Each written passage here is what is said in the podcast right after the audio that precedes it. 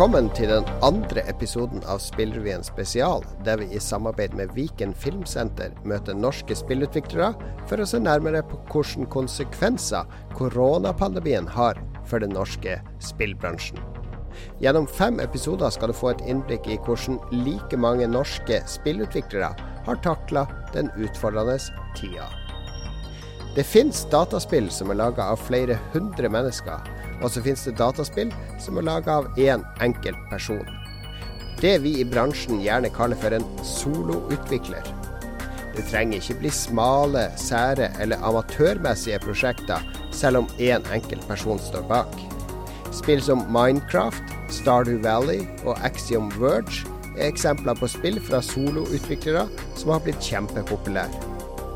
Og i denne episoden skal vi snakke med en norsk soloutvikler. Tinimations heter selskapet, der eier og eneste ansatte er Tom Ivar Arntzen. En 27 år gammel mann født i Harstad, oppvokst i Horten og bosatt i Hamar. Tom Ivar har laga dataspill helt siden ungdomsårene, og alene siden 2013. I 2016 lanserte han PC-spillet Klang, et musikkbasert actionspill med en retrofuturistisk estetikk. Siden da har han jobba med oppfølgeren Klang 2, som skal komme ut på både konsoll og PC senere i år. Hjertelig velkommen skal du være, Tom Ivar. Jo, tusen takk. Tusen takk. Du er det vi kaller for en soloutvikler, Tom Ivar. Betyr det at alle spillene du har laga er 100% lagd av deg sjøl? Ja, altså, altså, den catchphrase jeg pleier å si, det er at jeg gjorde alt unntatt lyden. For, uh, for jeg lag, altså, for Klang er jo uh, veldig musikalske spill. Og da er det jo superviktig at musikken er helt topp tier.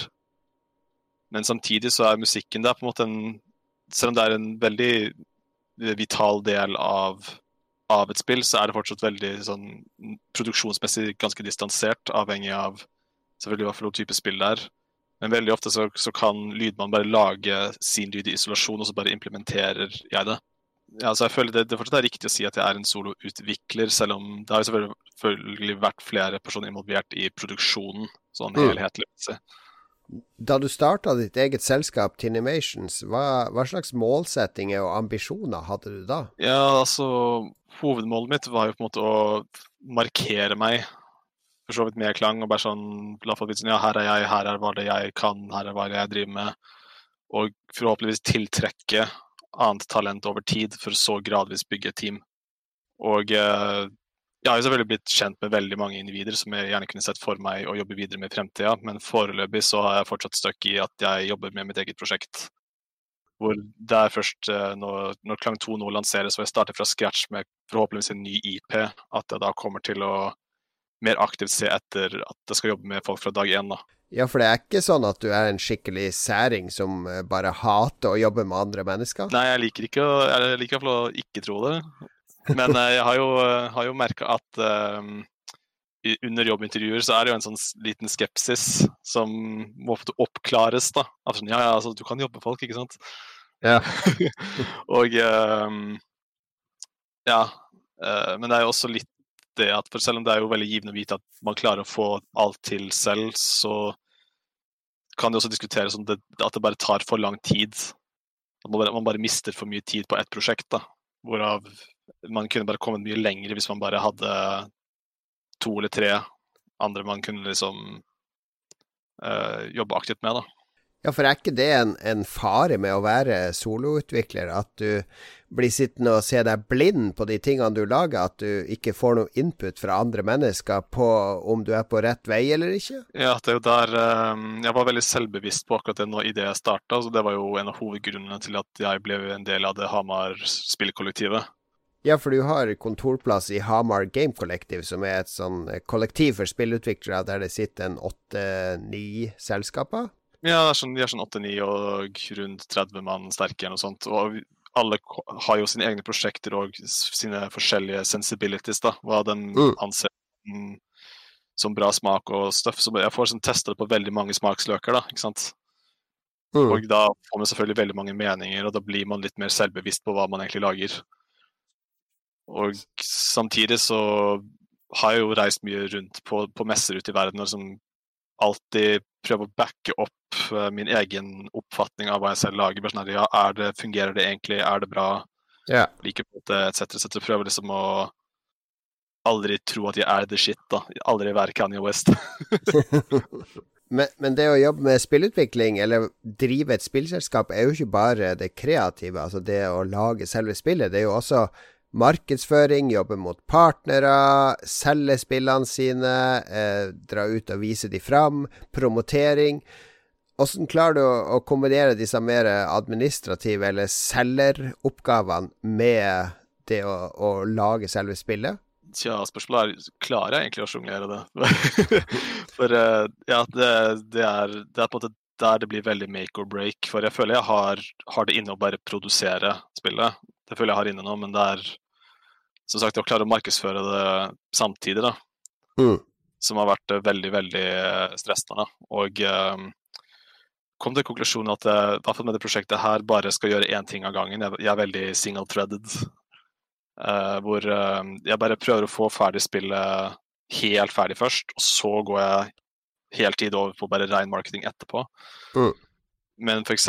som um, en del av å få det over på konsoll, så måtte jeg jo partnere med et selskap som skulle porte det. For, mm. uh, for, det som også gjør meg litt unik, er at jeg er vel kanskje den eneste proffe i Norge som jobber med Construct 2-motoren. Som egentlig ikke har noe konsollstøtte i det hele tatt.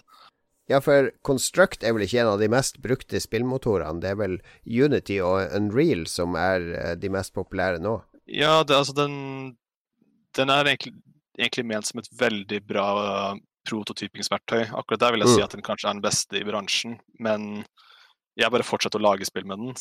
Ja. Uh, så sånn consequences be damned, for jeg, jeg, hadde jo egentlig ikke noe programmeringsbakgrunn, så den passa bra for meg. Men når jeg nå innså sånn at faen, det spillet her, det, det trenger å komme på konsoll. Uh, ja. Og så heldigvis kom den riktige aktøren på markedet ganske nylig. At de begynte å lage teknologi for å overføre Construct-spill til C++. da. Mm. Og allerede der kan man jo begynne å um, spekulere om ja, men er Klang 2 da fortsatt et soloutvikla spill, for nå er det jo flere aktører med. Og eh, Så, så konsollversjonen, da blir det litt ugenuint å si at det er lagd av én pers, for det hadde ikke vært mulig uten programmerings uh, kompetansen til de folka. Men, men, det er jo fortsatt altså, ditt design, ditt visuelle uttrykk, uh, ditt, uh, din kode som ligger i bunnen her. Så det er jo ditt spill. Nei, nei, selvfølgelig. Og hvis, hvis jeg hadde slutta å jobbe på det nå, så hadde du vært kansellert på dagen. Ja. Ikke sant. Så det, det er There's that. Um, men det de også gjør, er jo at de også tar på seg litt av byrden med markedsføringa. Det var en del av dealen som, mm. som mer eller mindre har gjort til at de er en publisher nå, for meg. Ja. Sånn, men utelukkende kun på konsollfronten. Altså PC-lanseringa er det fortsatt full rulle på meg, som er, det er en ja. byrde, da. Det skal vi snakke litt mer om, men hva slags type spill vil du si at Klang 2 er, hvis du skal forklare det til de uinnvidde? Ja, altså jeg vil nok si at sjangeren som definerer de begge, er rytme-action. Mm -hmm. Og det er, eh, det er, rytme i den forstand at du må veldig slavisk følge etter, etter, musikken som spilles. Ja, takten i musikken, liksom. Takten i musikken er, er alt.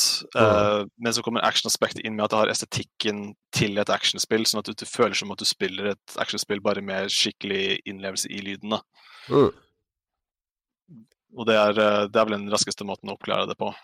Er, mm. hvis, jeg skal, hvis, jeg skal, beskrive det for sånn den litt eldre garden, kanskje, så er det se, se, for deg Star Wars, hvor The Force er rytmesansen din. Det høres ut som en uh, solid elevator pitch, det. Uh, men, men uh, litt til om, om, det å være soloutvikler. Altså, det krever jo en helt enorm disiplin å kunne stå alene i alle disse tingene og ha eh, energien og, og, strukturen til å bare jobbe seg framover gjennom alle utfordringer hele tiden. Hvordan får du til å være en, en soloutvikler, Tom Ivar? Så er det her jeg liksom skal flekse og bare si at jeg er the shit. Men eh, eller altså, selvfølgelig det er, det er uhyre viktig å ha gode rutiner, da. Det mm. er, det er superviktig. Uh, og så har jeg alltid vært veldig sta.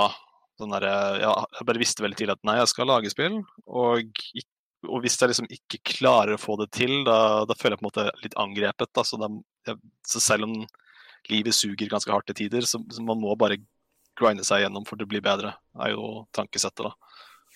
Vi må snakke litt om uh, den siste tida som har vært med koronapandemien som har herja i Norge. og Uh, I forrige episode så var det jo mitt selskap Krillbite det handla om, og vi er jo flere ansatte, så det er jo klart at uh, denne pandemien og det å bli tvungen til å jobbe hjemmefra og, og hele den pakka påvirker oss i ganske stor grad.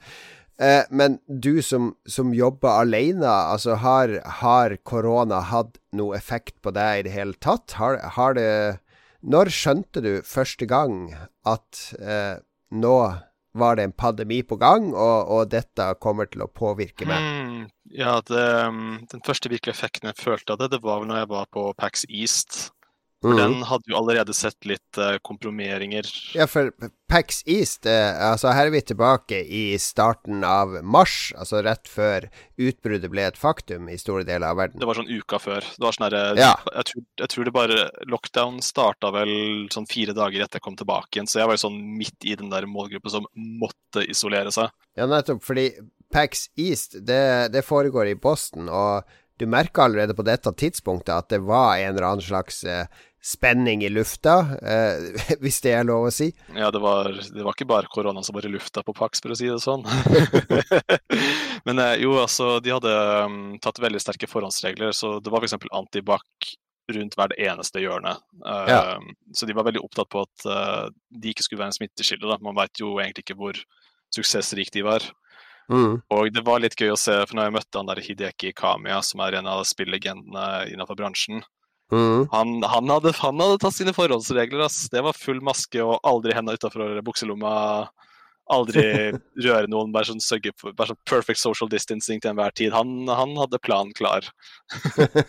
men, men, skjønte du alvoret når du var der borte? Altså Vaska du håndkontrollen til spillet ditt eh, mellom hver spiller, og holdt du avstand osv.? Så, ja, så jeg har egentlig alltid vært veldig heldig når det kommer til sykdom og mestre og sånn. Så jeg, for meg så tenkte jeg det var nok å bare antibac sånn hvert kvarter ish. Mm. Um, og bare vaske um, hardware jeg viste på en gang iblant, mest bare for at andre ikke skulle bli smitta av noe drit. Yeah. Um, for når jeg var på GRC en gang, og jeg, romkameraten jeg bodde med, han hadde sånn hyperinfluensa og sov sånn en meter unna meg, og jeg ble fortsatt ikke sjuk, så da tenkte jeg sånn Jo, jeg, jeg, jeg orka ikke å være paranoid, i hvert fall. Nettopp. Så du, du, ble ikke hysterisk hvis noen hosta på håndkontrollen til spillet ditt, eh, eller? Nei, nei, nei. Altså, men, men da, det var fortsatt veldig spekulert i om viruset i det hele tatt hadde kommet fram til ja. en messe i det hele tatt. Det var sånn herre Ja, det, det, skjer nok sikkert jeg, jeg, tror det var ett påvist tilfelle av korona i Boston når eh, Pax skjedde. Mm.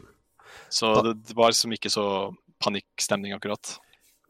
Merka du noe eh, F.eks. at folk vegra seg for å teste spillet ditt fordi de ikke ville ta i håndkontrollen, eller var bare alt som normalt, følte du? Ja, det var, det var fullt pågang. Altså, drar du på Pax, så har du planer om å spille spill, liksom. Ja. Um, Riktignok um, Jeg, jeg merker at jeg kanskje ugler så litt på folk som innrømte at de var syke og fortsatt var der. Ja. Eh, og så ble jo eh, Pax East ble vel egentlig den siste internasjonale spillmessa som ble arrangert i, i eh, normal, altså fysisk form. Eh, og du var der. Du kom hjem, og så ble du kasta rett inn i to ukers karantene. Altså du måtte Du fikk beskjed om å holde deg hjemme. Mm, stemmer. Og det var litt sånn herre ah, shit. Eh, for det frister ikke akkurat så veldig å jobbe hjemme i uh, leiligheta mi, liksom. Nei. Uh, men det som på en måte skjedde, var jo ikke sant, for Jeg jobber fra kollektivet, og det som jeg innså, var at alle andre stikker hjem. Mm. Uh, så, så, så, det stedet står også tomt. Ja, for kollektivet ga vel beskjed til alle bedriftene at nå må vi prøve å jobbe hjemmefra flest mulig. Ja, og, um, og, og siden stedet står tomt uansett, og jeg bor veldig nærme kontoret, og jeg klarer lett å unn, fullstendig unngå folk på veien dit. Ja. Uh, og samtidig så tenkte jeg sånn, ja, og i disse tidene så Man vet jo aldri om innbruddsrisikoen øker hvis eh, folk vet at liksom ingen er der. Mm. Så påla, påla jeg meg også å være litt vaktbikkje også, da. Bare sånn Ja. holde fortet. Så du satt liksom helt alene i kontorlokalene til Hamar Game Collective i denne perioden? I en periode, i hvert fall. Og så gradvis så har det begynt å komme flere og flere sånn et individ her, et individ individ der, Mm. Som velger å jobbe. Men vi holder jo sånn noenlunde avstand, da. Så, og ingen har enda blitt smitta eller vært mm, sjuke i noen nevneverdig grad gjennom hele krisa. Så uh, har fått inntrykk av at det har gått greit, i hvert fall. Jeg tenker Som soloutvikler så kan du jo strengt tatt sitte hvor som helst og jobbe, men du foretrekker å, å dra til et kontor og sitte der og jobbe? Mm, ja, jeg, altså, en grunn til det er at jeg bare er litt for lat til å ta med meg hjemme alt utstyret. Mm. For, eh, og og jeg, jeg liker for å ha det skillet, da. Mm. For jeg hadde jo en periode um, før jeg kom til kollektivet hvor jeg nærmest isolerte meg selv. Det var vel da jeg jobba på prototypen til Klang igjen. Og det, det, det var ikke sunt. Det, det var ikke sunt, altså. Så jeg prøver å unngå det.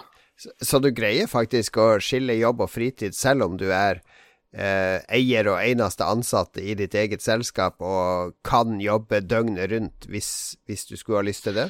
Ja, men eh, det er jo et av trikset. Det er jo å ha det skillet mellom kontor og hvor du bor. Mm. For det, um, det var jo den perioden hvor jeg ikke hadde det. Det var da jeg merka at dette her er bad sånn På det verste så begynte jeg å merke at jeg begynte til og med å miste taleevne, for jeg snakka ikke med folk, liksom. Og det, Det- det var sånn det, Ja, det, det er så ikke bra. Det høres litt uh, skummelt ut. Var det andre tiltak som eh, Hamar Game Collective innførte? Ble det nye rutiner for hvordan man skulle oppføre seg på kontoret, eller renhold, eller sånne ting? Vel, med tanke på at alle reiste hjem nesten med en gang, så var det ikke så nevneverdig. Vi var vel litt mer aktivt med sånn å vaske um, fellesområder og sånn, ja. Mm. Men det, men det stoppa ganske fort med tanke på at eh, alle bare stakk hjem. Det det er mange som ikke har vært innom kollektivet siden karantena starta. Mm. Så eh, nei, ikke sånn nevneverdig mye som har skjedd, nei. Så for deg så, så gikk liksom livet stort sett som normalt, bortsett fra at du satt på et tomt kontor. Men du ble vel påvirka på andre vis? Altså, du hadde vel planlagt å reise på flere spillmesser og ha møter og sånne ting? Ja, for jeg hadde jo Hvis ikke for korona, så hadde jeg vel allerede vært i Japan for Bit Summit, som skulle Mm. være i mai, f.eks. Det var jo en sånn stor push jeg og de, eh, den publisheren hadde planlagt. da, Så dermed ble vi ganske skuffa over at den aldri skjedde. Ja. Og uh, GDC ble jo kansellert. Riktignok den eh, vil jeg si at jeg egentlig tjente på at det ble kansellert. Tjente på? Det, det er jo en veldig rar ting å si, fordi GDC, eller Game Developers Conference, regnes vel som en av de aller viktigste spillmessen å være til stede på for spillutviklere og, og publishere og investorer. Så, så hva, hvordan kan du si at du tjente på en kansellert messe? Ja, så Planen min på GDC det var selvfølgelig å markedsføre Klang gjennom uh, The Mix, som er en sånn uh, eh, sideevent med GDC. Men jeg hadde også møter med Sony og Microsoft uh, booka, som, med mål om å få Klang på neste generasjons konsoller. Ja. Og akkurat den, den missa vi ut på, som, Mm. som svei litt. Men det som, hvor jeg tjente på det, var for selv om den der sidemessa ble kansellert, Mm. eh, så tok de et initiativ og fikk det nettbasert isteden i samarbeid med Steam. Mm. Så den lille messa der hvor jeg kanskje ville fått vist en håndfull journalister, så fikk jeg det heller vist på forsida på Steam en hel uke. Ja, nettopp. Så Steam, som er en av eh, eh, verdens største nettbutikker for PC-spill, skjønte eh, konsekvensene for mange spillutviklere og kasta seg rundt og arrangerte en sånn digital visning av disse spillene. Eh, Hva var det du kalte det igjen? Det er Steam Games Festival. Det var vel han eh, Jeff Keeley som tok initiativet, tror jeg. Ja, nettopp. Jeff Keeley er jo en veldig kjent uh, type journalist, eller uh, hva skal vi si, evangelist innen dataspill, som får til masse sånne events rundt spill. Ja, Det er jo han som også arrangerer eh, på en måte spillenes svar på Oscar, som er Mm. jo uh, The Game Awards. Nettopp. Og, og han fikk da Valve, altså de som eier salgsportalen Steam, til å arrangere denne festivalen, som primært skulle være da for spill som var under utvikling og ennå ikke lansert. Ja, Kriteriene for å være med det var at du måtte allerede ha bekrefta tilstedeværelse på GDC. Mm. Som, uh, enten at du skulle vise fram på The Mix eller gjennom Indie Megabooth. En, eller- en eller annen sånn eksponeringsportal. da. Ja. Og hvis du da hadde en demo du var komfortabel med å vise offentlig, så fikk du lov til å spre den fra forsida til Steam, som, som var helt uvurderlig. Så, så, hvis jeg forstår det her riktig, i stedet for at du står inne i et trangt lokale med en skjerm og, og masse andre spill rundt deg og fullt av folk, og kanskje hvis du har flaks 100 stykk prøver spillet ditt i fem minutter i løpet av kvelden, så får du ligge på forsida til verdens største salgsportal for eh, PC-spill, der millioner av mennesker kan se spillet ditt og laste det ned og teste en sånn tidlig uferdig demoversjon. Ja, det er akkurat det det var. Riktig ja. selvfølgelig uh, uh, Det var ikke akkurat millioner som klikka på spillet mitt, for jeg delte jo spalteplass med sånn 60 spill. Og samtidig så var jo eh, måte butikkvinduet til festivalen var noe som gikk på, gikk på sånn rullegang på forsida, for de har jo mange sånne programmer gående samtidig. Ja, ja, ja. Så, eh, men jeg fikk vel sånn 5000 nedlastinger på den demoen i løpet av noen få dager. 5000 er jo ganske mange flere enn du kanskje hadde nådd på, ved å stå på The Mix. Ja, ja, absolutt. Altså, det, er, det er faktisk ganske skremmende nærme så mange som noensinne spilte Klang 1. Så uh, det var bare på noen få dager. Og det kommer en til sånn festival faktisk bare om et par uker. Mm. Og der har jeg også bekreftet at jeg også får bli med. da, Så det blir sånn en ny runde til med det der. Og det er bare sånn Det er et veldig flott initiativ. Det her høres jo strengt tatt bedre ut enn å være fysisk til stede på spillmesse, for du kan vel legge inn i demoen eller i, i storepagen at folk skal like YouTube-sida di eller Twitteren din eller et eller annet. Altså konvertere de som tester demoen inn i, i, dine sosiale kanaler, på et vis. Ja, ja, det, det var en av hovedpunktene òg. For jeg, um, takket være den festivalen der, så på en måte lever Klangs Discord nå. Den har sånn rundt 110 brukere nå. Så den ble stifta for ikke så altfor lenge siden. Og um, ja, jeg hadde ikke hatt det uten den festivalen. Og det... samtidig så fikk jeg jo rundt 3000 wishlists i den perioden også, og det er jo som potensialsalg, da. Det her høres jo strengt tatt ut som en uh, veldig positiv bieffekt av korona, at man altså digitaliserer disse utstillingen av, uh, av demoer eller uh, kommende spill. Er det noe du håper skal fortsette etter korona har lagt seg? Ja, altså Det eneste jeg tenkte på, hvorfor har de egentlig ikke gjort det tidligere? For det er jo en helt fantastisk greie. Og uh, f.eks. med tanke på E3 og sånn, hvor de ofte bare viser uh, trailere og sånn. bare sånn der, Dette er sånn hvordan de får demoer tilbake. De demoen som var superpopulær på 90-tallet på coverdisker og CD-rom og sånn, som fulgte med spillmagasiner. Eh, ja, kanskje vi ender opp med å liksom måtte kreditere korona med å hjulpet oss å bringe spilldemoen tilbake.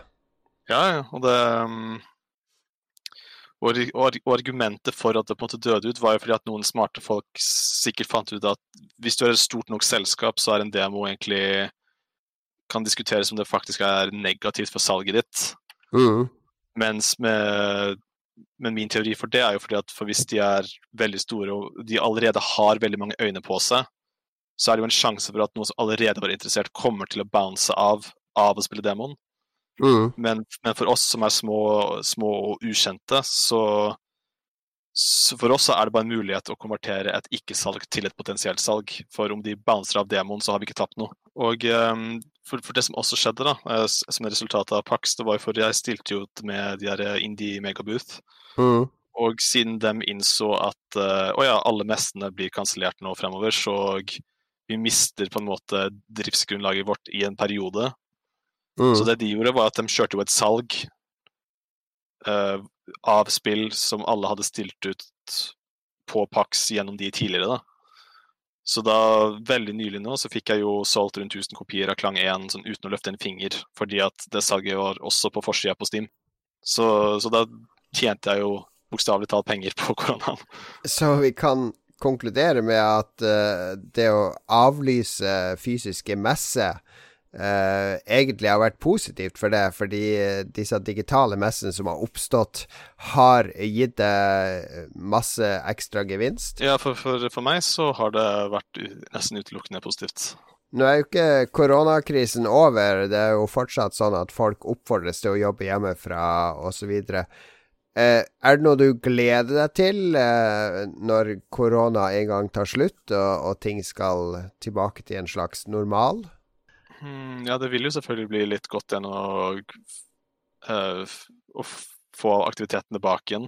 Men mm. en av de største tingene som jeg merka at ja, nå, nå, begynner ting å normalisere seg, det var når brødskjæremaskinen på butikken var tilbake. Hva med partneren din som, som, jobber med å konvertere spillet ditt til konsoller? Har de blitt påvirka i noen grad av korona? Ja, faktisk. Um, for uh, riktignok de er to individer, hvor han ene er i USA, som har blitt Han, han har ikke prata så mye om sin påvirkning, men han andre er bosatt i Spania, og de ble ja. treffet veldig hardt. Ja. Sånn, han kan knapt bevege seg ut døra. Nettopp, men, men de har klart å jobbe og hatt progresjon med, med konverteringa av spillet? For så vidt én ting vi har blitt litt straffa på um, med tanke på koronaen, er at for Sony og Nintendo og Xbox for de har jo en sånn sertifiseringsprosess for å kvalitetssikre produktene de skal legge ut på butikken sin. Mm. Og kapasiteten der ble kraftig redusert som resultat av koronaen. Som riktig med tanke på at Klang har jo vært litt bak skjemaet en ganske god stund nå, så har jeg egentlig ikke tatt noe personlig på det, men de har kommentert at de har tapt veldig på det, for de har jo hatt sånn 20 spill i pipeline som de har porta, ja, som de bare ikke får gitt ut. Så, så, det som er litt fare, er jo at for når ting normaliserer seg igjen, så bare er det en sånn massiv kø av spill som skal ut. Ja. Og så bare må vi stå på venteliste, liksom. Det kan godt hende at det skjer. Ja, nettopp. Og det er jo heller ikke noen fordel om de slipper alle de spillene samtidig, for da skal man plutselig konkurrere mot 20-30-40 andre ganske gode indiespill. Ikke sant. Det, det er også en reell fare, da. Vet du hva? Nå har jeg faktisk lært ekstremt mye om hvordan det er å være soloutvikler. og også hvordan korona har påvirka Tom Ivar og Tinimation. Så tusen takk for at du tok deg tid til å prate med oss i kveld. Jo, det var hyggelig, det. Så takk for invitasjonen. Og masse lykke til med Klang 2. Dette har vært episode to av fem spesialepisoder av Spillrevyen laga i samarbeid med Viken Filmsenter, som tar for seg hvordan koronakrisa har påvirka norsk spillbransje. Spillrevyen lages av Jon Cato Lorentzen og Lars Rikard Olsen, og slippes hver uke som podkast.